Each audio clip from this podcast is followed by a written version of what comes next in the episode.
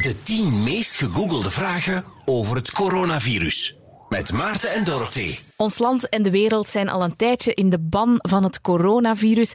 Dat zorgt voor heel veel vragen bij nog veel meer mensen. En die vragen tikken we massaal in op Google. Vandaag hebben wij drie gasten in deze aflevering die voor jou de tien meest gegoogelde vragen over het coronavirus beantwoorden. Het is vandaag maandag 6 april 2020. Dat is misschien gewoon good to know uh, voor als je deze aflevering misschien pas veel later beluistert. Iedereen die je hoort, die zit gewoon veilig bij hem thuis in zijn zijn kot. Maarten die is thuis in Aartselaar en ik zit in de, de Q-studio in Vilvoorde. Ja, mijn stem is ook een beetje weg. Er zit nu al bijna drie weken een vervelend virus op. Dat zou corona of COVID-19 kunnen zijn, maar zou ook niet kunnen zijn. Het maakt al niet uit. In ieder geval, ik blijf in mijn kot en mijn stem is dus hees, waarvoor mijn excuses. Onze gasten vandaag zijn eh, Stef van Lee, verpleegkundige op de corona-afdeling van het ZNA Jan Palfijn in Antwerpen. Lieven Scheire die gaat je onder andere iets meer vertellen over waar het virus vandaan komt. En natuurlijk Mark van Ranst, viroloog, die mocht niet ontbreken in deze aflevering. Goeiedag. Hallo, goeiedag. Alles nog steeds uh, oké en gezond bij u? Natuurlijk, ja, natuurlijk. Oké, blij dat te horen. Waar bent u op dit moment? Ik zit op mijn bureau op Gasthuisberg. Dat is de plaats waar ik meestal zit. Oké. Kan u eigenlijk nog inschatten hoeveel uren u uh, per dag bezig bent met dat coronavirus? Uh, jawel, dat is ongeveer een 19 uur per dag, zoiets. Oké, en de rest slaapt u dan? de rest slapen en ja, af en toe moet je nog iets eten en uh, een, een, babbeltje, dat hoort er Tuurlijk. ook bij. Ja. Weet u eigenlijk nog wat u dacht toen we een hele tijd geleden voor de eerste keer over dat coronavirus iets hoorden? Uh, de eerste gedachte was, tja, dat is interessant en raar. De tweede gedachte was, oei, dit gaat toch niet SARS-achtig zijn? En de derde gedachte was van, oh wee, dit is SARS-achtig, hier, uh, hier gaan we een hele tijd mee aan de slag zijn. We hebben nu uh, in het programma ook eens uh, gebeld over dat virus. Uh, maar toen vertelde u nog dat we ons meer zorgen moesten maken over de griep en zo. Het leek een ver van ons bedshow. Wanneer is dat moment voor u gekomen dat u dacht, oei, dit gaat fout ook voor ons land? Nee, wanneer je keek naar, naar de situatie in Wuhan, dan, uh, dan was het wel duidelijk dat dit waarschijnlijk de wereld ging rondgaan en voor hij zal zorgen. Oei, maar u heeft dat toen niet kant... gezegd, meneer Van Ranst? Of ongeveer? Ja, toch. Maar dat kan je ja. ook nog, op die moment kan je dat ook nog niet zeker weten. Op dat nee, moment was er okay. het griepvirus in ons land. En de meeste mensen die ziek werden, dat was, die werden ziek van het griepvirus. Dus je kan maar beginnen met, met uh, mensen te vertellen over wat dat virus allemaal kan. Tuurlijk. Op het moment dat het ergens ook wel in Europa of dichterbij komt. Um, want anders dan, dan gaat men, uh, gaat men ja, het, het gewone griepvirus vergeten, wat, uh, wat niet goed is. Hè. En uh, uiteraard zijn we nu uh, aanbeland bij een situatie waarbij heel veel mensen van alles googelen over het coronavirus, want het heeft ook ons land bereikt. Nu al bedankt om tijd te maken voor ons. En uh, dan beginnen we uiteraard bij de eerste vraag, de eerste meest gegoogelde vraag over het coronavirus. Wat is het coronavirus? Is dat een vraag die nu nog gegoogeld wordt? Ja, ja, ja, ja toch wel. Ja, dat is best Absoluut. wel grappig. Wel, een coronavirus is een, een, virus wat verschillende diersoorten kan, uh, kan infecteren. Dus dat komt niet enkel bij de mens voor. Dat komt eigenlijk heel veel bij dieren voor. Dat is dus een zoonotisch virus, heet dat dan. En waarvan we weten dat het een, uh, een, heel, uh, een heel spectrum van verschillende aandoeningen kan veroorzaken. Vroeger dachten we dat dat enkel verkoudheden kon veroorzaken. Er zijn ook andere coronavirussen en die hebben allemaal gekke namen, wat betekent dat ze niet echt goed bestudeerd zijn. OC43, 229E, NL63, HKU1. Uh, dat zijn andere coronavirussen okay. die elk jaar voorkomen, ook in ons land, maar die verkoudheden, misschien zelfs een beetje de zwaardere verkoudheden, veroorzaken. Dan, in 2003, leerden we SARS kennen. Uh, dus het Severe Acute Respiratory Syndrome, dus waar mensen echt wel ziek van werden aan stierven. Um, dat was de eerste wake-up call een beetje voor, uh, voor dit virus.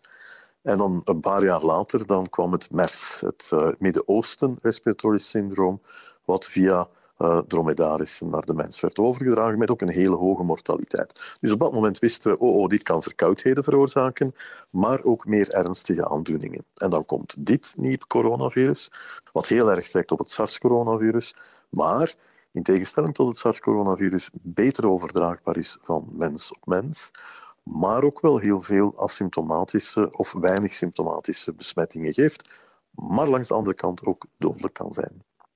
is het misschien, ik weet het niet, dat, dat het toch nog zo vaak gegoogeld wordt van wat is het coronavirus dan precies, omdat we ook die corona en COVID-19 zo'n beetje door elkaar zien en horen gebruikt worden. Misschien heeft dat ermee te maken, ik weet het niet.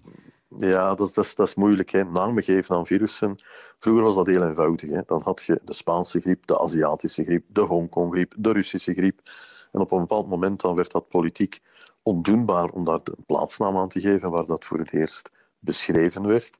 En dan gaat men allerlei gekke namen uitvinden. Ja, het nieuw coronavirus. Ja, dan weet je dat dat niet gaat blijven, want na een tijdje is dat niet meer nieuw. En dan, dan is men nu aanbeland bij COVID-19. Uh, COVID-19 in het Engels, dan klinkt dat nog wel, uh, nog wel goed.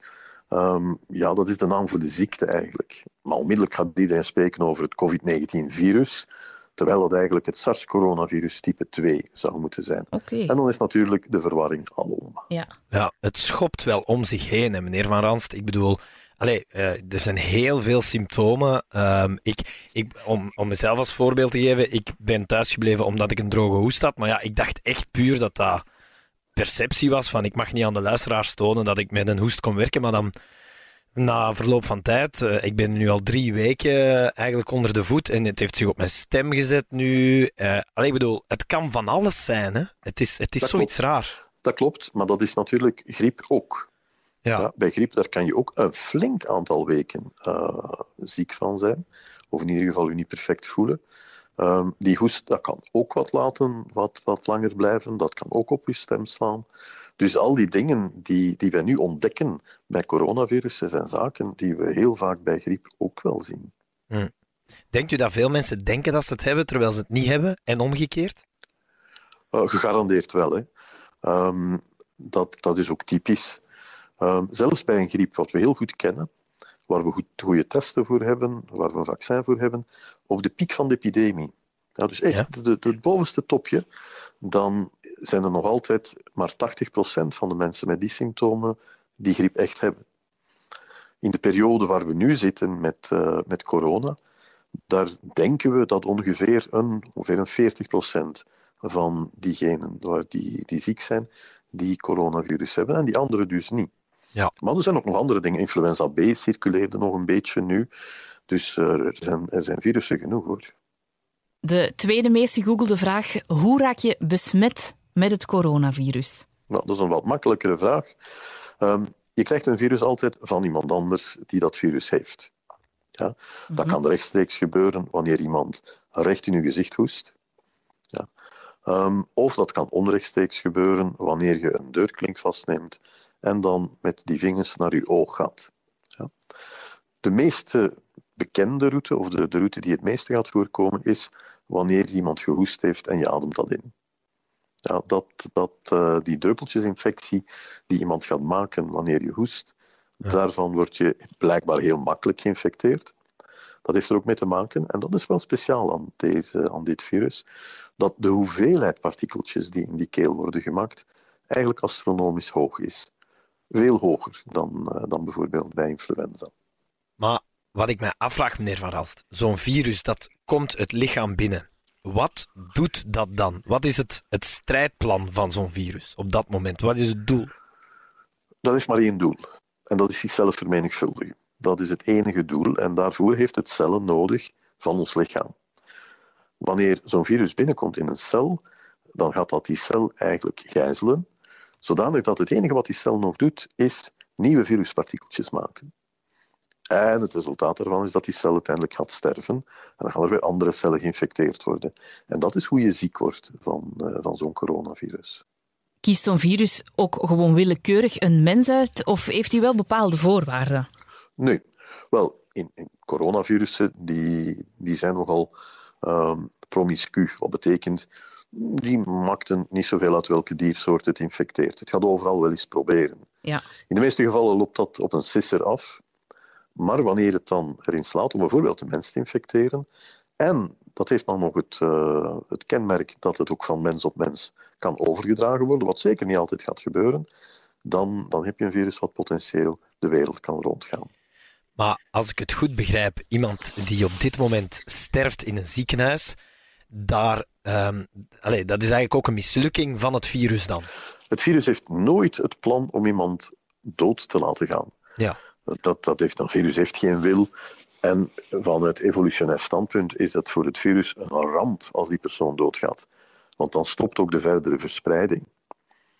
Dus een, zelfs een persoon ziek maken is geen geweldig goed idee, want dan merkt die persoon dat hij ziek is en zou die persoon wel eens zijn gedrag kunnen aanpassen.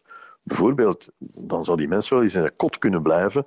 En ook dat is een ramp voor het virus, want dan wordt het veel minder overgedragen. Dus de succesvolle virussen, de oude virussen, die miljoenen jaren oud zijn, die hebben geleerd van zich koest te houden en weinig symptomen te geven. En al zeker de gastheer niet te doden. Dat, dat zijn de oude virussen. Virussen zoals COVID-19 of als het SARS-coronavirus type 2, dat zijn pubertjes die nog niet geleerd hebben hoe zich deftig te gedragen. En dan krijg je daar accidenten mee. Ja. als we het hebben over hoe uh, raak je besmet met het coronavirus, u had het daarnet al over de hoest. Uh, maar heel veel mensen zitten ook met verschillende vragen. Hè. Is het als je een winkelkarretje kan aanraken of mag je nog een brood kopen dat gewoon los in de winkel ligt? Of is het besmettelijk om dezelfde deurklink aan te raken? Hoe, hoe groot zijn al die kansen als het echt gaat over iets aanraken en dan jezelf besmetten ja. bijvoorbeeld? Die kansen zijn klein, maar niet onbestaand. Wanneer je het hebt over deurklinken met zo'n glad oppervlak, daar kan dat virus inderdaad een paar uur op overleven. Dat is perfect mogelijk. Ja. Dat winkelkarretje net hetzelfde. Maar dat is zo elke winter. Eigenlijk het ganse jaar door. Dan zitten er op die winkelkarretjes zitten daar bacteriën en ja. virussen op. En dat is ook geen groot probleem. Uh, en daarom raden we ook aan om handen te wassen. Dat is een lage kostmaatregel. En dat helpt heus wel om van die virussen die op je handen zitten, uh, om daarvan af te geraken. Maar dan kan men ook gaan overdrijven. Ja? En de manier waarop dat we nu dat doen, dan overdrijven we wat. Ik zie mensen met plastic handschoenen aan die winkelkarretjes. Dan zie ik mensen daar, uh, die, die een brood gaan nemen en dat dan nog, uh, nog in de oven gaan steken vooraleer dat op te eten. Er zijn mensen die, die hun boodschappen gewoon drie dagen laten staan. Er zijn mensen die hun boodschappen gaan afwassen met Chavel. En, en we zijn een generatie van mensen met smetangst aan het kweken. Hè. Mm. Uh, en dat is ook niet goed. En daar moeten we echt voor oppassen ook. Uh, laten we gewoon een beetje normaal doen. Ja, niet alles tijdens een epidemie moeten we anders gaan doen. Een aantal dingen moeten we veranderen aan ons gedrag. Maar we hoeven ook ons geen vragen te stellen bij alles wat we doen, om dat dan nog met een schepje erbovenop te gaan doen. Nee, een beetje gezond verstand is daar, en nuchterheid is daar ook wel op zijn plaats. Maar u gaat nog handen geven als dit allemaal voorbij is. Wel, ik weet niet hoe onze maatschappij erop gaat reageren. Misschien gaan we wel een andere soort van begroeting uitvinden um, in plaats van handen te geven. Niet elke cultuur uh, geeft handen. Dus dat is perfect mogelijk dat dit een moment is waar we dat raar gaan vinden. Ik weet niet of jullie dat ook hebben, maar wanneer je nu naar een film kijkt en je ziet mensen daar een hand geven ja. en dicht bij elkaar zitten, dat ja, lijkt zo raar. Hè? Ja. Of Ben Krabbe in blokken. Die doet dat ook nog. Ja, bijvoorbeeld. Ja, wel, ja dat, dat is opgenomen lang ah, ja, natuurlijk. Ja, ja, ja. Uh, en, maar dat, dat, dat lijkt allemaal zo raar en not done. En ik weet niet of we daar zo makkelijk weer van af gaan geraken. Dat vind ik... Het is er heel rap ingegaan. Ja, ja. Op een week tijd zijn we gestopt met handen geven. Exact. Dat is uw verdienste, en, meneer Van Rans. Dat is absoluut Wel, waar. daar hebben we wel meegewerkt, ja. Ja, ja, ja. Daar heb ik inderdaad ook al zo'n paar artikels over gelezen, over hoe snel een mens zich ook wel aanpast. Ja, Hoe, hoe dan kan dat in twee richtingen gaan. Ja. Ja, gaat die aanpassing blijven of gaan we ons even snel terug deze Ja. dingen vergeten en, eh, en, en weer handen gaan geven? En, en dat is moeilijk te voorspellen. Maar pas op, het terugdraaien van maatregelen gaat veel trager Mhm. dan het nemen van die maatregelen. Hè. Ja. Dan was er een hoogdringendheid. Daar kon dan niet te lang over nagedacht worden en dan was het gewoon go. Ja? Eh, over het wegnemen van de maatregelen, de exit-strategie, ja, daar wordt meer over gebabbeld, daar gaat meer politiek bij komen te kijken. Dat, eh, dat gaat moeilijker zijn en langer duren dan, eh, dan het nemen van de maatregelen. Ja, het is niet een van de tien meest gegoogelde vragen. Ze viel net buiten de top 10, maar ze past misschien bij waar we het op dit moment over hebben. Wanneer mag de poetsvrouw opnieuw komen werken? Een hele goede vraag. Ja. Dat is een moeilijke. Die poetsvrouw die komt natuurlijk op heel veel plaatsen. Eh, en wanneer je dat kan vermijden, dan, eh, dan ga je proberen van dat niet te doen. Maar soms is dat dan ook nodig. Ehm, daar, eh, daar is niet iedereen het over eens op dit moment. Dus dat is gewoon nog even afwachten. Dat is inderdaad nog even afwachten. Ja. Oké. Nu, pas op, op sommige plaatsen komt die poetsvrouw natuurlijk nog. Hè. zelfs nu, wanneer je dan kan zorgen dat je niet in dezelfde kamer bent, dan is dat ook nog geen geweldig groot probleem. Ehm, maar ja, dat, uh, al die dingen gaan terug moeten normaliseren. Voor de volgende vraag gaan we Lieven Scheire erbij halen. Dag Lieven. Hallo. Hallo. Hoe gaat het met jou? Met mij gaat uh, op dit moment alles goed. Gezond ja, ook. Er, ja, er zijn geen zieken in huis. En uh, ik werk een beetje van thuis. Ik heb hier zo een camera gezet en ik probeer mezelf dan uit te lichten met leeslampen en dat soort dingen. Om filmpjes op te pakken. Ik heb vandaag voice-offs ingelezen onder een donsdeken met mijn computer. Ah, oké. Maar dat is, dat is, dat is een, een goede studio eigenlijk. Gewoon zo'n donsdekentje, ja. microfoon, dat is top. Een auto is, is ook een heel goede studio. Wist je dat? Een auto is ook een heel ja, studio. Klopt. Ja, heel veel dempende materialen. Ja, voilà. ja dat is waar. En uh, ik, heb, uh, ik heb net uh, een boek geschreven. Enfin, ik, daar was ik al een tijdje mee bezig, maar ik heb die nu kunnen afwerken. Een boek over fysica dat net uit is. Heel tof. Super tof. En hoe is dat eigenlijk een beetje zo de combinatie thuiswerken, jezelf filmen, onder een donsdeken dingen opnemen en dan ook nog kinderen die daar rondlopen? Ja, ik denk dat dat uh, voor iedereen die nu thuiswerkt en kinderen heeft, dat dat uh, ja, zoeken is. En, en ja, je hoort toch heel veel mensen die zeggen dat dat lastig is. En goh, wat ik daar wel in herken, je hebt het gevoel dat je niets goed doet. Hè. Je werk is eigenlijk niet goed genoeg. Uh, je hebt te weinig oog voor je kinderen en je hebt ja, weinig of geen ontspanning. Ja. Um, alleen, ik vind het soms moeilijk om, daar, om daarover te klagen, omdat ja, er zijn ook mensen die helemaal alleen zitten. En eigenlijk zit er dan te zeggen dat je aan het verzuipen bent, terwijl het iemand anders aan het verdorsten is. Dat, is zo, dat vind ik zo wel lastig. Ja. dat is mooi. Um, Lieven, eerst en vooral nog eens dank je om tijd te maken voor ons. Um, laat ons verder gaan met de derde meest gegoogelde vraag over het coronavirus. En dat is, waar komt het coronavirus vandaan? Ja, uh, geografisch hè, is het dus zo goed als zeker ontstaan in Wuhan, in China. En um, waar komt dat virus vandaan? Dit is wat men noemt een zoonose. En een zoonose is een virus dat al bestond bij een andere diersoort en dat overgesprongen is naar de mens. Want de meeste virussen zijn heel specifiek voor een bepaald dier. Um, en dus uh, af en toe lukt het een virus om van één diersoort naar de andere over te springen. En eigenlijk is dat altijd miserie omdat wij nog niet gewoon zijn aan het virus en het virus nog niet gewoon is aan ons. Um, de, de verkoudheid bijvoorbeeld, dat is een geweldig succesvol mensenvirus. Mm -hmm. Namelijk, um, wij hebben daar een beetje last van, maar niet te veel. En uh, het virus passeert langs ons systeem en komt elk jaar wel eens terug enzovoort. Maar je zou kunnen zeggen, een virus dat net nieuw is bij de mens, dat is nog een beetje onhandig om het zo te zeggen. Dat, dat, um, dat stoot van alles omver in ons lichaam, dat maakt van alles kapot in ons lijf.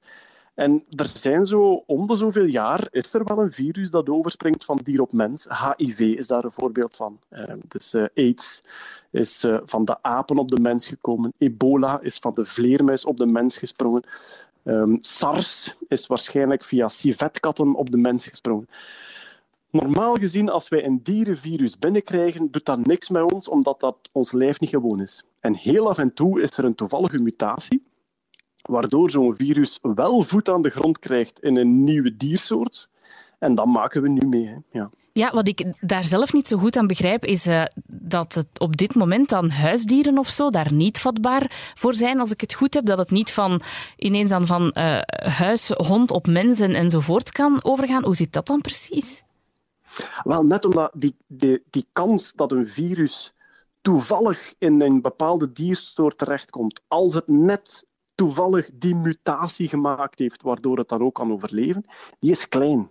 Okay. Anders, anders zouden wij constant ziektes krijgen van andere dieren. Dus het overgrote deel van virussen dat van één diersoort op een andere terechtkomt, kan daar niet overleven. En dus al die, al die honden en katten en zo, die, die nu ook in aanraking komen met dat virus, ja, dat virus overleeft daar niet. Oké. Okay. Um, en dus heel toevallig in Wuhan, op die, op die uh, wildmarkt waarschijnlijk, is er dus eentje overgesprongen op de mens die het wel gehaald heeft. En die is zich kunnen beginnen muteren en beginnen voortplanten enzovoort. En daarom is dat een pandemie geworden, ja. Maar, maar dus omdat die kans zo klein is, gebeurt dat maar om de zoveel jaar is. Maar overgesprongen, heeft hij dat dan opgegeten of zo, dat beest? Of, of die persoon? Of... Hoe gaat dat? Ja, dat is zo raar. Elk virus heeft, heeft zijn eigen manier om zich te verspreiden. Hè. Bij, bij, ehm, bij AIDS en HIV is dat dus via seksueel contact. Um, je hebt ook ja, bij een verkoudheid. Een verkoudheid is geniaal. Hè. Die kriebelt aan onze neus tot als we niezen en dan lanceren wij die eigenlijk de wereld in. Ja. En dus dit is waarschijnlijk een ademhalingsvirus. Dus uh, het virus dringt binnen in de cellen van uw longen, laat zich daar kopiëren door uw lichaam. En dan verspreidt zich via die, die speekseldruppeltjes of die, of die longdruppeltjes die naar buiten komen. En bij dat dier zal dat hoogstwaarschijnlijk op dezelfde manier gaan. Dus er zal ergens een dier uh, gehoest hebben of geniest of gelijk wat. En dat zal in de lucht uh, terechtgekomen zijn bij een mens. Maar dat is allemaal nog onzeker. En dat is een van de grote wetenschappelijke zoektochten op dit moment. Wie is patient zero? Wie is de Ja. eerste persoon die dat binnengekregen heeft en via welk dier was dat en op welke manier was dat? En waarom is het zo belangrijk om dat te weten? Omdat je dan eigenlijk de eh, genetische voorouders van dat virus kan gaan onderzoeken. En Dan kan je gaan kijken ja. van... Ja, dus op dit moment, er wordt heel veel genetische code van coronavirussen uitgelezen nu, omdat dat verandert om de zoveel tijd. En dan kun je zien op welke manier het zich verspreidt over de wereld. Je kunt eigenlijk zien, als je nu een coronavirus hebt in België, dan kun je aan de genetische code zien, komt dat uit Italië of komt dat uit China bijvoorbeeld? Of komt Ah, dat uit Spanje? Ah. Je kunt, je kunt dat echt volgen. Omdat een virus verandert af en toe een klein beetje van genetische code. En dus als je het oorspronkelijke dier vindt waar dat virus uit komt, dan kun je daarin eigenlijk de voorouders van dat virus gaan onderzoeken. En meer zelfs kun je ook een inschatting maken van, kan dat hier nog eens gebeuren? Ehm, is er een bepaalde diersoort waar dat wij het contact echt van moeten gaan verminderen? En hoe groot is de kans dat ze die patient zero nog vinden voor het coronavirus? De kans dat ze de diersoort vinden eh, lijkt mij wel redelijk groot hoor. Omdat ze, Ah, hebben ja. nu al een paar, ja, ze hebben nu al een paar virussen in het vizier. Eentje, eentje bij vleermuizen onder andere. Ja. Die er genetisch heel goed op lijkt. En die dus een goede kanshebber is. Maar ja, wat dat ook, ja, wat, wat dat ook echt frappant is, dat is hoe jong dit virus is bij de mensen. Mhm. Nog maar, nog maar een paar maanden, dat is echt niets. Dus de wetenschappelijke kennis daarvan is zodanig nieuw en zodanig klein, dat is een van de risico's. hè. Dat we, dat we daar zo weinig van weten, dat het moeilijk in te schatten is. Hoe snel gaat die verspreiding nog gaan? Hoe kunnen we dat tegengaan? Eh, ja, allemaal dat soort dingen. Eh, dat het zo wereldwijd verspreid is, ehm, hoe denk je dat dat komt? Heeft dat dan vooral te maken met het feit dat het 2020 is en dat we allemaal vliegtuigen nemen en reizen en, en open grenzen? Of was dat vroeger ook al zo dat zo'n virus heel makkelijk zich over de wereld kon verspreiden? Eh, een, een, een virus dat zich over de hele wereld verspreidt, dat gebeurt om de zoveel tijd. Dat is gewoon standaard. Alleen gaat het nu wel gigantisch veel sneller. Ja. Ehm, dat dat Ja, een want paar ik, maanden... ik heb het gevoel dat voor mij is dat de eerste keer, lieven. Allee, ja. Dat wij dit meemaken, onze Ja. generatie misschien dan? Of... Ja, dit is, dit, is de, dit is de zwaarste pandemie van onze generatie. Maar als je kijkt naar de wereldgeschiedenis, is dit een kleintje. Ah ja, wat zijn dan de, de, Dus- de grotere? Ja, de pest sowieso. Ja, ja Ehm, eigenlijk is, ja, je zou, je zou kunnen zeggen dat AIDS misschien ook wel groter is dan dit. Alleen, eh, dus qua aantal doden sowieso, hè, qua, qua, qua eh, verspreiding. Alleen, dat is iets eh, dat je niet krijgt in de supermarkt, tenzij je naar hele gekke supermarkten gaat.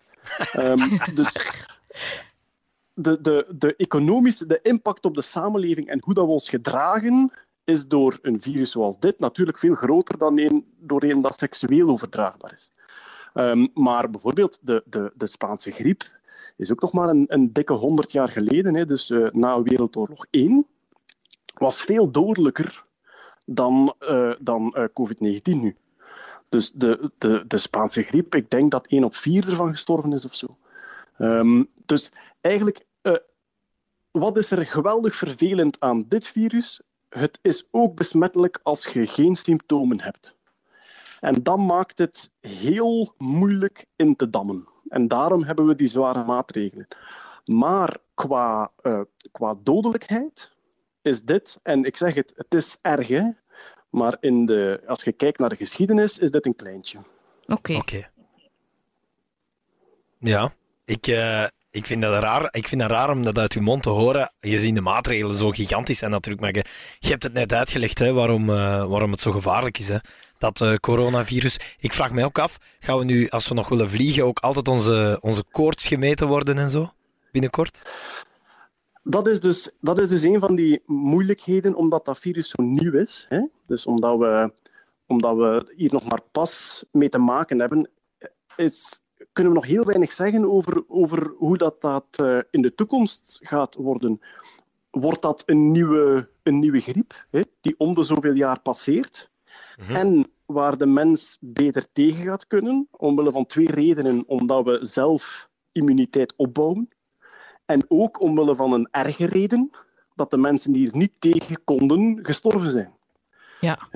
dat, is, dat is natuurlijke selectie. En um, ja, dat is iets wat we niet meer gewoon zijn. Meer zelfs, wij zijn dat voor grote stukken van onze samenleving, zijn wij dat een beetje de baas geworden. Wij gaan af en toe zelf beslissen van, sorry, maar we gaan mensen in leven houden. Wij vinden dat belangrijk. En ja, nu, nu krijg je een, een, een virus dat, er, ja, dat we nog net niet de baas kunnen. En dat gaan we misschien leren. Uh, ofwel wordt dat, wordt dat eentje dat we echt kunnen, kunnen uitroeien. Hè. Sommige, sommige virussen hebben wij met vaccinatie gewoon uitgeroeid uit de wereld. En uh, ja, het is te hopen dat dat bij deze ook lukt. Ja. Maar wat, wat, ik nog, wat ik nog wil zeggen over... Um, dit is eigenlijk een kleintje. Um, het is de grootste van onze generatie. Maar het is ook de eerste keer dat zoiets gebeurt sinds dat wij ons niveau van welvaart hebben. En mensen staan daar veel te weinig bij stil in wat voor een uitzonderlijke tijd dat wij nu leven. Um, sterven is een drama in onze tijd. Mhm. Dat is nog nooit zo geweest in de geschiedenis. Dat mensen doodgingen was gewoon normaal. Als je, als je 100 jaar geleden kinderen kreeg, dan ging je ervan uit dat die niet allemaal volwassen werden. En wij leven in een fantastische tijd waarin dat we daar voor het grootste stuk de baas kunnen. Dus waarom lijkt deze pandemie zoveel groter dan die uit de geschiedenis? Omdat we de eerste generatie zijn die dit soort risico's normaal gezien grotendeels de baas kunnen. Maar die vorige pandemieën, de pest en de, en, en de Spaanse griep enzovoort, die waren gewoon veel, ja, veel groter dan deze. Alleen vonden, het mensen, vonden mensen het toen normaler dat er af en toe een keer iemand doodviel. God, dat, is zot, hè? dat is ook nog niet zo lang geleden eigenlijk. Hè? Als je zo zegt, 100 jaar geleden. Ja. Ja, dat is een interessante manier om er ook eens naar te kijken. Um, de vierde meest gegoogelde vraag over het coronavirus, die is ook voor jou, Lieven. Uh, waar kan het coronavirus niet tegen? Tegen zeep. is daarom dat we ons, onze handen zo vaak moeten wassen? Ja, ja. ja. Dus zeep, zeep gebruiken wij om, vooral om vet van onze handen te krijgen. Hè. Dat is daar chemische zeep daarvoor gemaakt, om vet oplosbaar te maken in water. Um, en wat blijkt in de, in de mantel, dus dat, dat bolk, heb je al gezien, is dat bolke coronavirus met die, met die puntjes die eruit steken? Ja. ja. Eigenlijk, dat bolke zelf, dus niet de puntjes, daar zitten ook veel vetverbindingen in. Dus je zou kunnen zeggen, het panzer van het virus bestaat voor een stuk uit vetverbindingen. En als daar zeep bij komt, schuurt dat gewoon open en is dat compleet kapot. Dus daarom dat uw handen wassen met zeep eigenlijk zodanig efficiënt is tegen dit virus. Oké, dat is een makkelijk antwoord eigenlijk. Hè? Ja. ja. Uh, uh, en verder ja, verder wordt er geweldig onderzocht waar het slecht tegen kan en waar dat het goed tegen kan. Er was, er was, zo, is, ja, er was zo'n tijdje een hoop van misschien verdwijnt het met de lente, zoals dat je bij de griep vaak ziet. Ja, ik wou het vragen inderdaad. Hoe zit het met warmte en koude en zo? Daar is nog veel te weinig over bekend. En, en ja, die pandemie heeft ook echt al tropische landen bereikt. Dus om daar uitspraken over te doen, bij welke luchtvochtigheid en temperatuur dat het zich gemakkelijkst verspreidt, daar, dat kun je niet doen met vier maanden aan gegevens. We hebben gewoon nog veel te weinig gegevens om te zien waar het wel en niet tegen kan. En er waren ook verhalen van uh, in bepaalde landen kan het zich onmogelijk verspreiden door het klimaat. Ja, het zit overal nu. Dus ook dat, ja, ook daar allemaal nog veel te, veel te onzeker. Um, een, een vaccin, dat zou echt het beste zijn wat ons kan overkomen. Een zeepvaccin dan misschien? Ja, zeep in, uw, zeep in uw bloed lijkt me niet zo goed. Nee, maar, maar, eh, maar dat is dus eigenlijk wat je zegt. Het kan niet tegen zeep, dat weten we helemaal zeker. Dus als je je handen wast, is de kans gewoon heel groot dat wat er op je handen zit, of, of op je gezicht, weet ik veel waar, dat die uh, cellen, of hoe moet ik dat noemen, al sowieso dood zijn.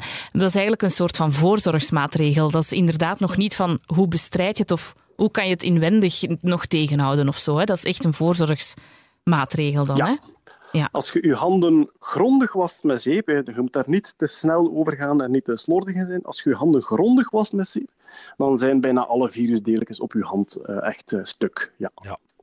Lieven, uh, wat ik jou ook nog wou vragen, hoe denk je dat we als maatschappij achterblijven na dit coronavirus. Ik zie bijvoorbeeld, en ik zag jou daar op Twitter ook op uh, enthousiasmeren, dat er nu heel veel digitaal gesport wordt. Bijvoorbeeld uh, de ja. wielrenners die digitaal tegen elkaar koersen.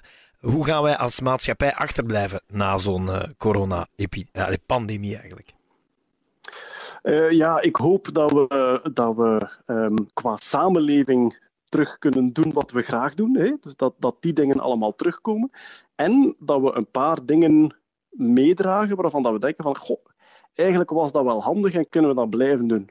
Uh -huh. um, en als het gaat over telewerk, ik denk dat, uh, dat er minder verplaatsingen gaan zijn, nu dat iedereen heeft leren werken met een online vergadering of dat soort dingen. Dus dat er, dat er meer dingen van thuis uit digitaal gedaan kunnen worden dan dat je constant rondrijdt. Maar um, ja, er is inderdaad veel, veel uh, e-sports nu. Ik vond die, die uh, virtuele Ronde van Vlaanderen ik vond die absoluut geweldig. Maar we gaan wel terug echte rondes van Vlaanderen doen. Hè. Ja, toch, hè? ja, toch, Dat gaan zelfs. En dat we een keer af en toe een virtuele koers doen, omdat dat ook wel plezant is. Ja, ja, geen probleem. Maar wel echte koers ook eens, hè. Godverdikke, was dat nu? Ja, ah, wel, maar dat is hetzelfde als met werken. Hè. We gaan nog altijd naar kantoor gaan, maar af en toe is telewerken kan ook geen kwaad. Dat is een beetje hetzelfde Tuurlijk. eigenlijk. Inderdaad, ja. Oké, okay. lieve Scheire, echt super hard bedankt om ook uh, even tijd te maken voor ons om uh, antwoorden te geven op twee van de tien meest gegoogelde vragen. En heel graag tot de volgende keer. Stay safe, hè, lieven. Ja, jullie ook. Tada, salut. Yo. Bye bye. Voor uh, de volgende vraag gaan we Stef van Lee erbij halen, verpleegkundige op de corona-afdeling van het ZNA Jan Palfijn in Antwerpen. Dag Stef. Hey, hallo. hallo. Goedemiddag. Hey, dag Stef. Dag Maarten. Hey. Jouw uh, naam doet misschien niet bij iedereen meteen een belletje rinkelen, maar jouw gezicht sowieso wel. Uh, want dat zien we nu niet natuurlijk, maar jij speelt ook mee in Dertigers op 1 en in familie bij VTM. Stef, hoe zijn de voorbije dagen en weken al geweest voor jou? Wel, het was, het was eigenlijk een, uh, ondanks het allemaal wat, wat dramatisch klinkt, uh, heel die coronacrisis, was het, vond ik het ook wel een boeiende periode. Uh, we hebben met het ziekenhuis heel snel moeten schakelen uh, naar een ander niveau van, van bepaalde ja, zaken op te nemen. Mm-hmm. er is heel veel organisatie geweest om, om dat ook allemaal te kunnen regelen.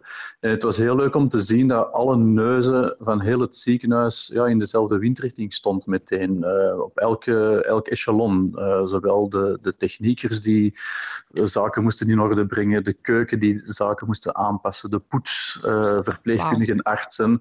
Uh, het is een hele organisatie geweest, maar het was heel uh, ja, hartverwarmend om te zien dat, dat dat ook gelukt is en, en dat iedereen met een zeer groot engagement eraan aan begonnen is ook. Weet je nog wat je dacht toen je voor de eerste keer hoorde over dat coronavirus? Wel, ik, uh, ik speel ook nog in een, in een, theatervoorstelling en ik weet dat wij in het cultureel centrum van Tessenderlo uh, aan het spelen waren. En toen begon op mijn gsm plots allemaal annulaties binnen te komen. En toen hebben wij zelfs nog in de voorstelling Alain Provis nog een mopje gemaakt, ook over corona. Uh, dat kwam al, al binnen en... En ja, de, het, is, het, is, heel grappig. Onlangs uh, zat ik op het toilet een boekje te lezen van, er is van 6 februari, de Libel. en uh, okay. daar, stond ook nog iets over de corona in. En, en, en dat was aan 6 februari, eigenlijk nog niet lang geleden. En toen was was eigenlijk niemand er zo mee bezig of zag eigenlijk nee. nog niemand echt de ernst ervan in, terwijl we eigenlijk al wel de beelden van China en, en, en dergelijke al wel gezien hadden. Maar we hadden zoiets van, ja, en dat is wel typisch misschien, al een ver, een ver van mijn bedshow, Uh, en ik, ik moet dat toegeven, in, in het allerbegin had ik ook zoiets van, oh, een griepje, uh, wat drama maken ze hier nu over? Ja. Maar vandaag weten we natuurlijk wel meer en uh, ja, is het toch wel ernstig op te vatten. Exact. Nog, nog één vraagje voor we naar de vijfde meest gegoogelde vraag gaan. Hoe is het bij jou thuis, Stef? Wel ja, goed. Uh, ik heb nu een paar dagen vakantie. Uh, met deze mooie weer gingen wij normaal op zeilvakantie. Uh, ja, dat, dat gaat nu niet door. Dus we hebben een tentje opgeslagen in de tuin. En we kamperen een beetje in de hof. Oh, dat is een beetje de, de, de dagplanning op dit moment. De vijfde vraag is eigenlijk eenvoudig. Hoe genees je van corona? Goh, dat is, uh, er zijn twee manieren. Hè. Ofwel met medische ondersteuning, ofwel zonder. Um, je moet nog altijd zelf genezen van, van corona. Corona is, een, corona is een soort griep. Er bestaat geen medicatie voor. Hè. Er bestaat geen pilletje voor van als je dit nu inneemt uh, drie keer per dag, twee dagen lang, dan ben je genezen. Helaas is het zo niet.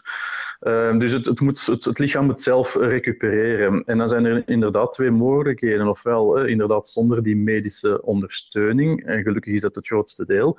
En het andere deel belandt in het ziekenhuis en uh, moet de ziekte doormaken met medische ondersteuning. En dat gaat dan over een ziekenhuisopname, omdat, omdat je zuurstof nodig hebt. Ehm, er wordt vooral symptomatisch behandeld. Ehm, symptomen die de ziekte meegeven, uh, die ook de problemen veroorzaakt waardoor mensen zeer of ernstig ziek zijn. En het zijn de symptomen die behandeld worden, niet de ziekte zelf. Dus je moet nog altijd er zelf in slagen als, als, als ja. lichaam om, om, om van die corona of van dat virus af te geraken. Um, en, uh, dus helaas, een, een wonderpil of een medicament bestaat er niet. Jij werkt in het Jan Palfijn ziekenhuis, dus in Antwerpen. Jij ziet ook dagelijks mensen binnenkomen die mogelijk besmet zijn of besmet zijn met corona. Hoe gaat dat dan in zijn werk? Vanaf het moment dat zo iemand bij jullie binnenkomt, die mogelijk besmet is met corona? Wel, we, zien sowieso verschillende mensen. Er zijn, er zijn, er zijn mensen met, met, matige symptomen, er zijn mensen met ernstige symptomen.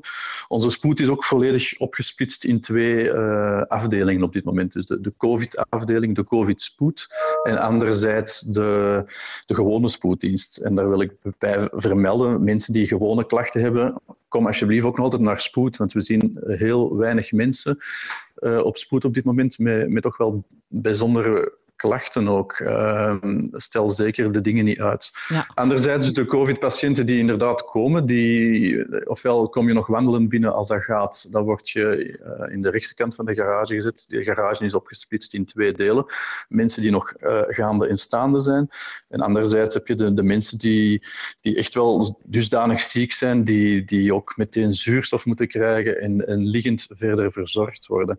Die garage, dat hadden jullie echt uh, bewust gedaan, hè? Dat, dat is in jouw ziekenhuis, dat is echt, die is daarvoor gemaakt eigenlijk een stukje ook. Hè? Ja, dat klopt. Een, een kleine zeven jaar geleden hebben wij een nieuwbouwspoed gebouwd. Uh, en omdat wij het meest noordelijke ziekenhuis zijn van Antwerpen, het dichtst gelegen bij de haven van Antwerpen, ja, hebben wij bij het, het bouwen van, die gara of van de spoed uh, rekening gehouden met, met uh, havenarbeiders of, of, mensen uit de petrochemie, die inderdaad ja. gecontamineerd binnenkomen door chemische producten en dergelijke, en die op een veilige manier moeten ontvangen worden en ook behandeld worden, van, van, van medewerkers op spoed zelfs. Uh, dus dat was eigenlijk allemaal een stukje voorzien. Het was eigenlijk heel vlot uh, om daarin in te schakelen. Wij hebben eigenlijk gewoon al onze voertuigen moeten buiten zetten.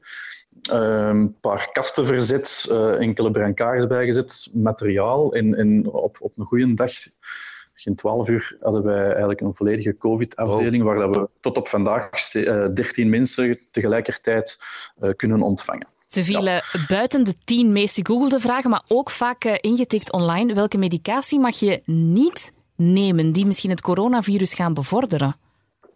Wel, er wordt gezegd over NSAID, zo de, de Brufen en de Voltaren. Uh, maar dat zijn, dat zijn discussies nog ook. Uh, en dat is ook een vraag die, die ik voorstel dat je beter ook aan een arts vraagt of aan je huisarts. Ja. Dat zijn de mensen die, die op dit moment ook uh, de meeste en de juiste informatie daarover hebben. Ja. Het uh, woord incubatietijd, dat is ook eentje dat we heel veel horen passeren de laatste weken. Wat betekent dat precies? Allee, we weten het natuurlijk half wel, maar jij kan dat sowieso beter uitleggen, ja, dat is eigenlijk heel simpel. Je wordt, je wordt, uh, een virus dringt het lichaam binnen en dan heb je een incubatietijd, de tijd dat nodig is om ook uh, een ziekte of symptomen te, te presenteren. Dus als jij vandaag, we zijn vandaag uh, maandag denk ik, uh, het virus komt binnen, Mhm. dan zou vrijdag of zaterdag uh, zou je beginnen hoesten en koorts maken. Die vijf dagen, dat is de tijd die nodig is om, om, om symptomen te ontwikkelen. Uh, wat wel heel belangrijk is om te weten, is dat je ook in die tijd ook al andere mensen kunt besmetten. Ja, Oké. dat is heel belangrijk inderdaad. Zeg, hoe is het mentaal voor jou? Uh, hoe laat jij je elke dag op om naar het werk te gaan? Wel, het is, uh, op, ik denk dankzij de maatregelen die genomen zijn, is het, is het werk op spoed uh, op dit moment uh, haalbaar. wij hebben nog, wij hebben voor onze spoed hadden wij tenten voorzien om een toestroom te kunnen opvangen. Die hebben we eigenlijk nog niet hoeven open te zetten. dus dankzij blijf in uw kot is het haalbaar om op spoed te werken. De vermoeidheid of, of, of wat het zwaar maakt om op spoed te werken nu, is, is zo de, de focus bewaren tussen hulp verlenen en uh, niet zelf ziek worden. Ja, vrees je daar dan- zelf soms niet heel erg voor, voor je eigen veiligheid? Ben je, ben je zelf echt bang om ziek te worden, Stef? Wel, ik ben niet bang, omdat, omdat ik uiteraard ook de maatregelen volg die zijn, Ja. zijn voorgeschreven bij ons in het ziekenhuis. Het, het dragen van de beveiliging, eh, ma- maskers en dergelijke, en kledij, zorgt ervoor om toch op een veilige manier te kunnen werken. Het is zelfs zo, denk ik, als je in de COVID-unit eh, staat, is dat eigenlijk de meest beveiligde plek op dit moment. Want Ja. op de, de spoed, ehm, de gewone spoed, als jij je voet omslaagt, ja, dan kom je niet in de COVID-unit terecht. Maar we hebben het daar net over de incubatietijd gehad. Mhm. Het kan goed zijn dat die man die zijn voet heeft omgeslagen wel besmet is. Ja, Zonder zoals Bart klachten. Tommelijn. En Ja. Voilà, dat kan, dus die, die kan dan op de spoed terechtkomen, waar dat je misschien minder beschermd eh, gaat rondlopen, omdat je ook denkt, van, oké, die man heeft zijn voet omgeslagen, we zullen er eh, snel een foto van nemen, een windel ronddraaien en het is opgelost. Maar daar is het iets, iets gevaarlijker. Nu, eh, het is niet alleen op spoed natuurlijk ook, maar ook op intensieve zorg en de, de COVID-afdeling zelf, waar de mensen opgenomen worden. Ja, dat is, een, dat is eh, hard werken toch op dit moment daar. Ja, en eh, we kunnen dat niet genoeg zeggen, maar respect hè, voor iedereen van jullie. Dat kunnen we blijven zeggen, maar elke keer is het even gemeend als de vorige keer, Stef. Dus uh, kei goed bezig allemaal. Ja, dat doet ook deugd. Hè. Dat is ook hartverwarmend ook om, om te merken dat, Ja. dat, toch wel, dat dat bij de bevolking ook wel leeft. Dat, eh, ja, dat helpt gewoon, echt waar. Ah, super. tof. Dat is heel goed om te weten. Dan gaan we naar de, de zesde meest gegoogelde vraag. Welk mondmasker helpt tegen corona? Ja, dat is, dat is eigenlijk de FFP3. Dat is het, eh, het masker dat eigenlijk helpt om eh, niet ziek te worden. Je hebt twee soorten maskers die je Mhm. in het straatbeeld nu ook ziet. Dat het chirurgisch mondmasker. En anderzijds het ademhalingsbeschermingsmasker. Dat zijn die, die typische ja, ronde kubjes met of zonder filter, waar je eh, mensen wel met zie- ziet lopen ook eh, op dit moment. Eh, maar de FFP, dat is een bepaalde filtering, een bepaalde filterefficiëntie. En hoe hoger dat getal, hoe groter dat de barrière ook is om, om zaken tegen te houden. Een FFP1 bijvoorbeeld, ja, dat is goed als jij een, eh, een tuintafel afschuurt en, en, je, wenst niet dat dat stof in je longen terechtkomt. Kijk je naar eh, eh, eh, virussen en bacteriën, heb je echt wel die FFP3 nodig. Een FFP2 kan, eh, heeft een matige bescherming, maar het is de FFP3 dat beschermt tegen de, tegen corona op zich. Maar ik vind, ik vind het ook wel een, een, een, een grappig zicht op dit moment op straat. Mensen lopen allemaal met maskers rond. En dan zie je toch soms eh, mensen de auto toch instappen, die zetten hun masker af en steken een sigaret op. En dan denk ik van, oké, b- denk je nu echt dat je goed, goed bezig bent? Allee, het is wel contradictorisch. Mensen willen absoluut niet ziek worden, maar steken toch nog wel een sigaret op. Ja, ehm, als roker ben je ook waarschijnlijk een pak kwetsbaarder. Ja, absoluut. Sowieso ook. Ja, u, zal- uw, uw longen zijn in, in, in, al sowieso in een minder goede toestand.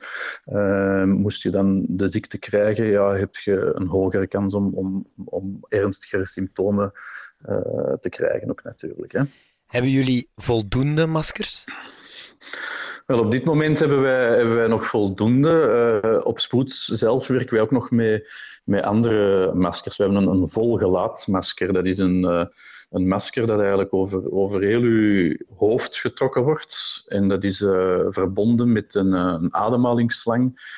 met een ventilator die op je rug geplaatst is. Dus het is op je rug een ventilator die lucht aantrekt, filtert en dat wordt eigenlijk in je masker geblazen waardoor dat het eigenlijk comfortabel is om te werken. Je hebt een, een continue uh, zeebries uh, rond je oren geblazen, uh, met een volledig plexiglas vooraan, waardoor dat je ja, goed, goed kunt werken.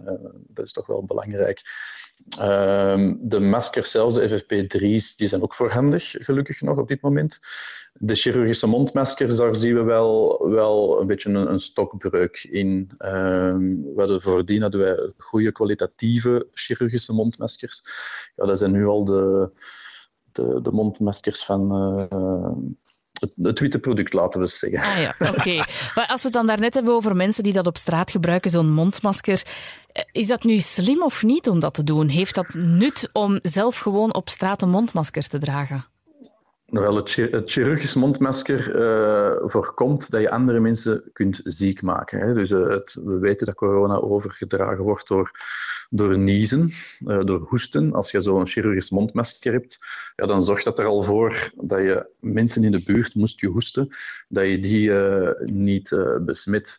Maar mensen, ik vermoed dat heel veel mensen een chirurgisch mondmasker dragen met het idee van dan word ik niet ziek. Maar dat is mhm. helemaal niet zo. Een chirurgisch mondmasker heeft, heeft weinig effect om zelf niet ziek te worden. Nogmaals, het FFP3-masker is het enige masker dat voorkomt dat, eh, dat je zelf uh, eventueel ziek wordt. Nu, het dragen van zo'n mondmaskers en handschoenen, uh, ja, dat lijkt allemaal heel simpel. Hè? Je doet die handschoenen aan en, en, klaar, je zet een masker op je neus en het is in orde, maar dat is eigenlijk niet zo. Uh, zelfs in uw opleiding verpleegkunde uh, wordt daar aandacht aan gegeven, om, omdat je toch op een correcte manier ook met die dingen moet omgaan. En het, ik denk dat bij burgers het een, een, een, een vals veilig gevoel geeft eerder.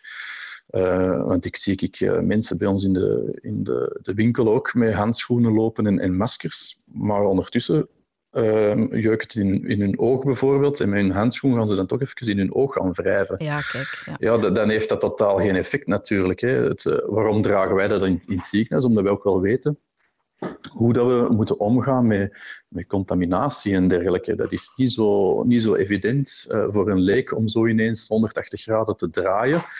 Um, en, en, en daardoor minder ziek te gaan worden. Dat heeft echt wel wat opleiding nodig en, en ervaring. Ja. Stefan Lee, um, we willen jou heel erg bedanken om even tijd te maken voor ons. En uh, ja, nog eens, hè, heel veel succes. Kijk goed bezig daar in het ziekenhuis in Antwerpen. Super bedankt en uh, tot ziens. Tot ziens. Dag Stef. Dag. Dag. En voor de laatste drie vragen gaan we opnieuw over naar uh, viroloog Mark van Ranst. Meneer van Ranst, de zevende vraag. Waarom kunnen we ons niet laten vaccineren tegen het coronavirus? We zouden dat heel graag doen, maar er is natuurlijk op dit moment nog geen vaccin nee, tegen. Ja. Ja, tegen griep hebben we een vaccin. Dat vaccin dat wordt elk jaar gemaakt. Dat is elk jaar iets anders. Tegen coronavirussen hebben we geen vaccin. Dus dat moet dan nog gemaakt worden. Dat is niet zo gek moeilijk qua tijd. Dan, uh, dat valt nog wel mee. Op een paar maanden heb je een goed idee welk soort vaccin je wil maken. Maar dan komen er nog twee perioden die, die moeilijker zijn. Je moet dat vaccin testen op perfecte veiligheid. En dan moet je dat vaccin nog in honderden miljoenen dosissen, miljarden dosissen gaan maken. En ook dat vergt, uh, vergt dan wat tijd. Normaal gezien duurt dat ettelijke jaren vooraleer er een vaccin is. Hier gaat men proberen van dat oh, zo snel mogelijk te doen. En dan is dat 18 maanden. Sommige van de firma's gaan een, risico nemen en het vaccin al beginnen te maken vooraleer aangetoond is dat het veilig is. En veilig en werkzaam. En dus die maken die hele productie al en dan pas op het laatste moment gaat er kunnen beslist worden, gaan we het gebruiken of niet. Maar dan winnen we tijd door, uh, door te samen die productie al te laten opstarten. Ja. Dat is een beetje een, een, een, risico voor die firma's, maar dat zijn ze op dit moment wel uh, bereid om te nemen. Lieve Scheire had het over het kunnen uitroeien van een virus met een vaccin, dat dat al gebeurd is. Hè? Um, Denkt u dat we ooit deze COVID-19-pandemie kunnen uitroeien? Wel, sommige virussen, zoals bijvoorbeeld pokken, dat is bijna uitgeroeid. Enfin, pokken is uitgeroeid, polio is bijna uitgeroeid. Uh, het SARS-coronavirus hebben we kunnen uitroeien zonder een vaccin. Dat is er nu ook niet meer in de natuur. Mm -hmm. uh, het is natuurlijk moeilijk om, om ziekte uit te roeien waar er een dierlijk reservoir is. wij gaan nooit alle coronavirussen de wereld kunnen uithelpen. Dat gaat niet. Je kan onmogelijk alle vleermuizen gaan vangen en die dood gaan doen. Dat, dat, dat, dat gaat niet lukken. Uh, dus dit volledig uitroeien, dat, uh, dat gaat niet makkelijk zijn. En wanneer je het uitgeroeid hebt, dan staat er gewoon een ander coronavirus klaar uh, om die, zijn kans ook te gaan. Oké. Okay. dat klinkt niet zo, niet zo opbeurend, maar ja, goed, de, de, de waarheid is Kijk, dat ja, natuurlijk is... niet altijd. Hè? Wel, virologen maken zich geen grote zorgen over werkzekerheid. Ja. Nee, dat, dat snap ik. Dat snap ik. Ja. Dan uh, naar de achtste meest gegoogelde vraag. Waarom was Italië het eerste Europese land waar het zo losgebarsten is? Dat is een hele goede vraag. Um, het antwoord is, we weten dat niet perfect. Want Italië was een van die landen die heel vlug alle contact met China gewoon uh, gestopt is. Geen vluchten mochten nog landen. En toch is dat daar uh, geraakt en heeft zich dat onder de radar in het begin kunnen verspreiden. Dus de reden, de echt exacte reden, weten we niet. We weten natuurlijk dat een land in, uh, in quarantaine zetten zodat dat er niemand meer binnen kan. Ja, dat is een illusie dat dat 100% lukt. Ja, daar zitten altijd grote gaten in. Um, en dat zal hier ook wel het geval zijn, uh, zijn geweest. De hele grote kans is dat op het moment dat, uh, dat de maatregel genomen is om geen vliegtuigen uit China binnen te laten, dat de zaaiing van dat virus in Italië al wel gebeurd was. Hoe, hoe loopt zoiets dan? Hoe gaat het dan plots zo snel? Is dat omdat één iemand ineens heel veel mensen besmet die ook nog eens allemaal naar heel veel andere mensen gaan? Wel, dat is het eh, fenomeen van de superverspreiders. Dat kan natuurlijk. Uh, maar zelfs dat heb je niet nodig wanneer een, een virus zich exponentieel gaat, uh, gaat vermenigvuldigen. Ik zal anders zeggen, wanneer een virus uh, met een dat noemt men dan een basisreproductiegetal van 2, zich gaat vermenigvuldigen. Dat betekent één persoon kan twee andere personen infecteren. Dan zit je heel vlug met hele grote ja, aantallen. Dat is wiskunde, Wanneer je die curve omhoog laat gaan. 4, 8, dan, 16, 32 ja, en huppakee. Ja, dan gaat het steeds sneller en sneller en sneller. Um, en dan is het een kwestie van net op tijd in te breken daar. En dat is in Italië wat later gebeurt dan bij ons. En daarom hebben zij die problemen uh, voor een heel groot stuk gehad. Eh, hoe gaat zoiets er achter de schermen aan toe? Eh, eh, zijn er dan virologen van verschillende landen over de wereld of, of andere wetenschappers die, die, die met elkaar ook in overleg staan en die, die elkaar op de hoogte houden? Of hoe moeten wij ons dat voorstellen? Dat is inderdaad een netwerk hè, waar, je, waar je dingen leest. Uh, je hebt professionele netwerken die, die mensen op de hoogte houden van allerhande details van, uh, van epidemietjes links en rechts. Um, en dat is uh, voor epidemiologen en virologen is dat interessante informatie. In uh, Zweden, uh, mijn tante woont daar. En die heeft zoiets van: hier snapt niemand wat er aan de hand is. Hier doet iedereen vrolijk verder. en dan vraag ik me af: zijn daar dan geen virologen? Of zijn die virologen in Zweden ook gek aan het worden? zou het niet efficiënter zijn om dit Europees aan te pakken? Zonder enige twijfel. Hè. Dit is een beetje het falen van, van Europa. Europa is hier niet erg zichtbaar in. Je hebt de Wereldgezondheidsorganisatie. Um, maar dan, we zijn niet de Verenigde Staten van Europa, dat is duidelijk. Um, we doen daar weinig gecoördineerd. Voor, voor dierenziekten lukt dat heel goed. Hè. Daar kunnen wij perfect maatregelen nemen die in alle landen hetzelfde zijn. Wanneer dat gaat over mensenziekten, dan is dat onmogelijk. Dan, dan denkt ieder land daar het beste te kunnen doen. En dan is er van Europese coördinatie eigenlijk totaal geen sprake. Omdat uh, dierenziektes eigenlijk meer economie is en mensenziektes eigenlijk meer volksgezondheid dan. Ja. Dat klopt. Dat zijn verschillende dingen. En we hebben niet die traditie. In het begin loopt dat allemaal goed. Maar na een tijdje, dan, zeker wanneer je in de piek van de epidemie gaat komen, dan wordt iedereen zenuwachtig. En dan elk land wat nog een maatregel bijneemt, ja, dat wordt dan de norm dan, dan is het alsof dat alle andere landen dat ook moeten doen. Of dan ben je niet goed bezig wanneer je dat dan niet doet. Dat is de periode waar we nu in zitten. Uh, wanneer die curve naar beneden gaat, dan, uh, dan, dan verstomt dat ook weer. Dan zijn we bij de, de voorlaatste vraag, de negende vraag. Wat betekent pandemie? Pandemie is heel eenvoudig. Ja. Uh, pan betekent overal en demie komt van deimos, van het volk. Dus dat is een, een epidemie die overal op het volk komt. Dus, dus een epidemie betekent gewoon op het volk, pandemie betekent overal. Ja, dus dat is een wereldwijde epidemie, zeg maar. Dat is ook een beetje een geladen term. Ja, een pandemie, dat lijkt altijd ernstig. Ja, vaak is het dat ook wel. Maar je kan ook een pandemie hebben van een, een nieuw verkoudheidsvirus. Dat kan ook perfect.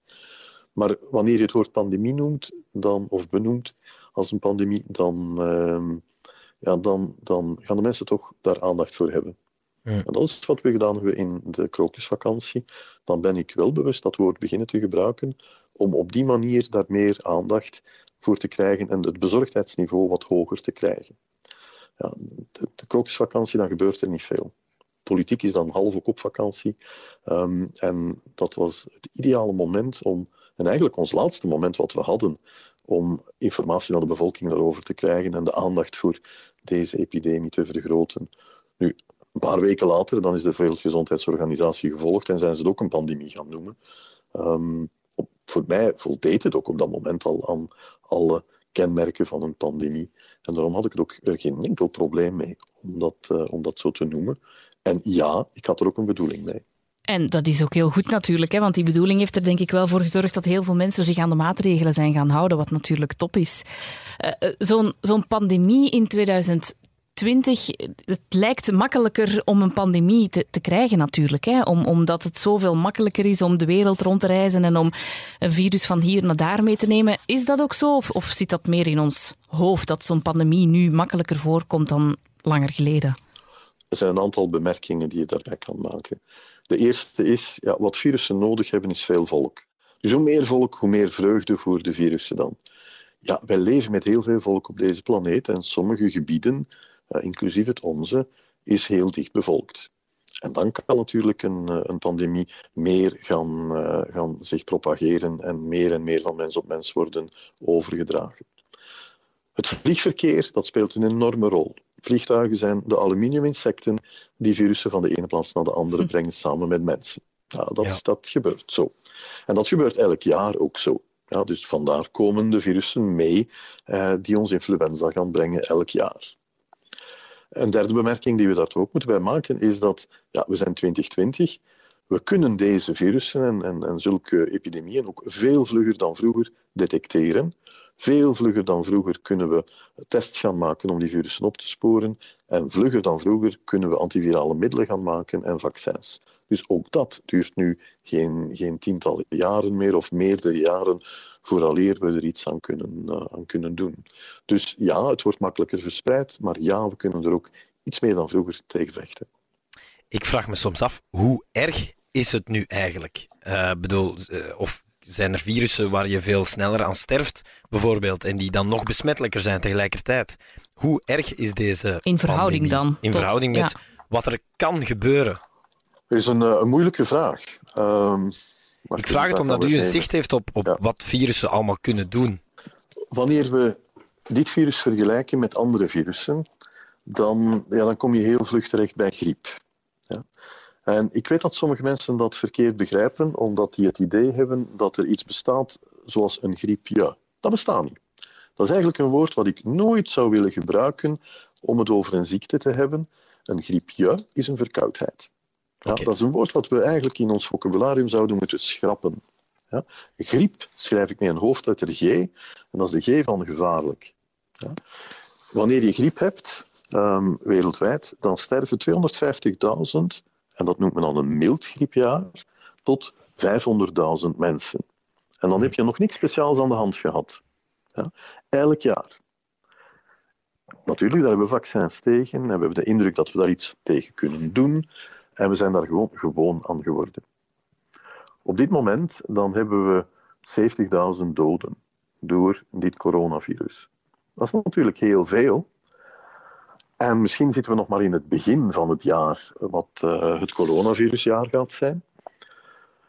Maar 70.000 om tot 500.000 te geraken, dan gaat dit coronavirus ook nog veel boterhammetjes moeten eten. Okay. Dit kan perfect daarboven gaan, dat weet ik ook. En dan kom je ergens in een situatie van een grieppandemie, zoals ja. bijvoorbeeld de Aziatische griep of de Hongkong-griep. De Aziatische griep in 1957, 2 tot 5 miljoen doden. De Hongkong-griep in 1968, ook een pandemie, 1 tot 2 miljoen doden. Oh, okay. Is het mogelijk dat dit iets wordt zoals dit? Ja, dat is, dat is inderdaad mogelijk. Ja. Ja. Gaan we aan uh, Spaanse griepachtige toestanden van 1918 komen, waar 20 tot 50 tot misschien wel 100 miljoen mensen gaan sterven, Dat denk ik niet. En dat gaat voor een groot deel ook te wijten zijn aan de maatregelen die we nu in de meeste landen nemen, inclusief het onze. En dan misschien een eh, goede afsluiter. Het is ook de tiende en de laatste vraag. Hoe lang duurt het coronavirus nog? ik vermoed dat u daarop gaat moeten zeggen dat we dat nog gaan moeten zien, maar ik, ik laat het antwoord aan u, meneer Van Ranst. Oh, u bedoelt eigenlijk van hoe lang gaat deze epidemie nog duren? Ja, ik, denk, ik vermoed als, als het een van de tien meest gegoogelde vragen is, dat mensen het vooral Ja. googelen om te weten van hoe lang zitten we nog in deze Ja. situatie? Hoe lang duurt deze manier van leven nog? Wanneer is het gedaan? Wel, je ziet landen zoals Oostenrijk beginnen al om een aantal van de maatregelen wat terug te schroeven, meer winkels open te laten en zo verder. En dit gaan we in ons land op een bepaald moment gaan we dat ook doen. Dat moment gaat gekozen worden door ehm, wel, hoe deze epidemie evolueert. We zien dat de druk op het gezondheidszorgsysteem een beetje begint af te nemen. Maar dat is ook maar de laatste paar dagen en dat moet zich dan nog flink verder door gaan zetten. Uh, het aantal doden gaat nog oplopen. En dat gaat vooral gevoed worden door doden in woonzorgcentra op, uh, op dit moment. Ja. Dit gaat nog een tijdje duren vooraleer we die maatregelen echt belangrijk kunnen terugschroeven. En een aantal zaken um, die gaan lang duren. Buitenlandse reizen, dat is niet zo eenvoudig, want dat hangt niet enkel van ons land af, dat hangt ook van het andere land af. En dat virus gaat nog wel een tijdje over de wereld gaan, uh, gaan rondwaren. Grote festivals waar mensen uit de vier windstreken komen om naar muziek te luisteren, de kans is klein dat dat onmiddellijk gaat doorgaan. Dat gaat ettelijke maanden duren vooraleer dat dat terug gaat, uh, gaat kunnen beginnen. En een aantal zaken gaan we misschien nooit meer doen. Bijvoorbeeld, zieke kinderen naar de grootouders brengen, dat was nooit een goed idee. Maar nu weten we dat dat totaal geen goed idee is. Nu zijn we er ook mee gestopt. Misschien gaan we dat wel niet meer doen. Maar ik nog eens onderbreken, meneer Van Ranst. Um, ik was met mijn zoon uh, een maand of twee geleden in het ziekenhuis. Die was echt slecht. Het kind is drie jaar. Die, uh, die was aan het eilen en enfin, we, gaan, we gaan naar de spoed. En uh, daar is toen ook bevestigd dat hij griep had. Maar ik zie mij daar nog zitten in een volle wachtzaal met dat kind. Ik zie mezelf dat volgend jaar, mocht hij griep zou hebben, ik zie, ik zie mezelf dat niet meer doen. Want ik denk, oh my god, wie besmet ik hier allemaal met mijn kind? Dat Zo, klopt. Zoiets. Dus we, we, gaan daar veel meer aandacht voor hebben. En eigenlijk gaan we naar een maatschappij, zoals waarschijnlijk in Japan, waar men dat al veel langer doet, van wanneer men ziek is, of wanneer men denkt ziek te zijn, dan draagt men een mondmasker. Ja, dat, gaat, dat is een van de zaken die we gaan veranderen. Ja. Dus bepaalde crisissen veranderen maatschappijen ook. Telewerk, ja, dat is iets wat we nu gemerkt hebben, dat ja, marcheert wel. Hè. Ja. Zeker wanneer je kinderen moet tegelijkertijd uh, bezighouden thuis, is dat niet zo eenvoudig. Je geraakt niet aan die productiviteit die je anders zou halen, maar het werkt wel. Heel wat bedrijfsleiders hebben nu gezien, en sommigen zeggen ze dat al, dat ze nooit meer al hun personeel op hetzelfde moment, op dezelfde redactievergadering willen hebben, ergens op één punt. Nu weten ze dat er perfect kan gewerkt worden op afstand, en samengewerkt en vergaderd kan worden.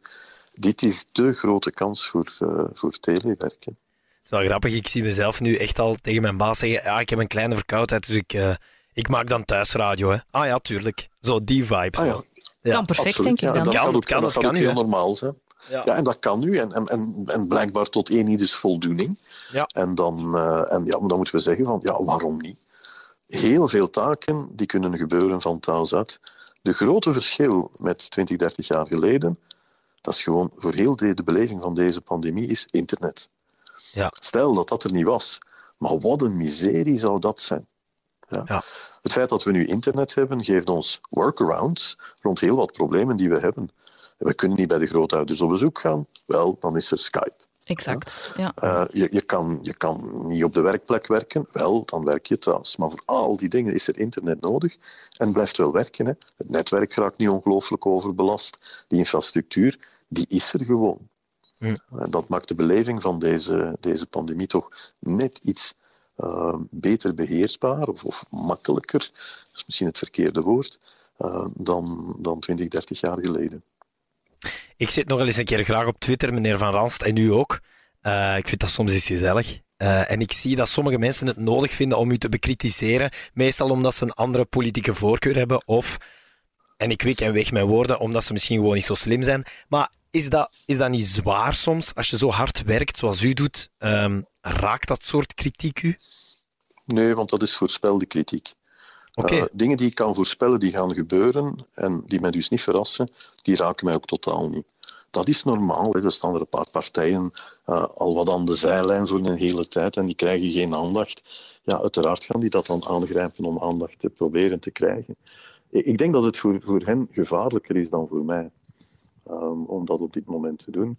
Maar één ieder moet daar zijn inschatting maken. Hè. En ik, ik, kan daar rustig tegen hoor. Dat, uh... ik heb het gevoel dat de steun voor u wel heel breed gedragen is en ja. heel groot. Voelt u dat ook? Uh, ja, langs de andere kant dan besef ik ook heel goed dat dat heel vlug kan kantelen. Je ja. kan dit nooit goed doen op het einde van de rit, wanneer alles geweten gaat zijn en iedereen 100% van de gegevens heeft, dan gaat iedereen het verleden gaan voorspellen. En dat is natuurlijk makkelijk. Terwijl je moet weten dat crisismanagement, dan moet je beslissingen proberen te nemen of raad te geven mm -hmm. op basis van 10, 20 procent van de gegevens. Mijn moeder zegt altijd, achteraf weet je alles op voorhand. Ja, wel, dat klopt. Dat is zo. en en dat, moet je, dat moet je ook kunnen aanvaarden. Dat gebeurt, daar kun je niks aan doen. Er is een 0% kans dat op het einde van de epidemie dat mensen zullen zeggen van oh, dat is eigenlijk nog, nog goed gemanaged geweest. Nee, dat kantelt altijd in de ene of de andere mm. richting. Je hebt te veel gedaan, of je hebt te weinig gedaan. Dat is, dat is onvermijdelijk. Meneer Van Rans, dan zijn we aan het einde van deze aflevering. De tien meest gegoogelde vragen over het coronavirus. Tenzij er nog iets is dat u graag wil zeggen aan onze luisteraars? Het enige wat ik wil zeggen is, blijf in uw kot. Voilà, voilà. okay, dat en we. u meent het, hè? en ik meen het, ja. Bedankt, heel erg bedankt voor uw tijd. Bedankt ook voor de voorbije weken. Oh, wacht, ik heb nog één vraag, meneer ja? Van Ranst. Wanneer denkt u Ja. dat u uw eerste dag verlof neemt? Ah ja. Um, goh, dat is een hele goede vraag. Ik heb er ook over nagedacht.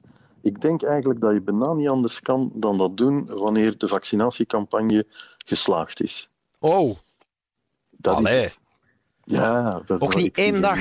Hoe, je kunt dat niet doen. Enfin, je kunt dat niet doen, je kunt dat natuurlijk wel doen. Maar elke ochtend, wanneer ik nu mijn, mijn computer terug open, dan zijn er tientallen artikels die nieuwe inzichten brengen, die, die nieuwe informatie geven. Dat is, dat is een bijzonder intense periode, niet oninteressant ook. Er gebeuren zo heel veel dingen ook. Hè. Ja. Dus eh, bedankt voor uw tijd in zo'n hele drukke dag dat u even met ons wilde praten. Bedankt eh, ook voor de voorbije weken nog eens. Nog heel veel succes, meneer Van Ranst. Stay safe en eh, we blijven met z'n allen eh, helpen met Flatten the Curve. ja. Dank u wel. Dag. Dag. Bye. Bye bye.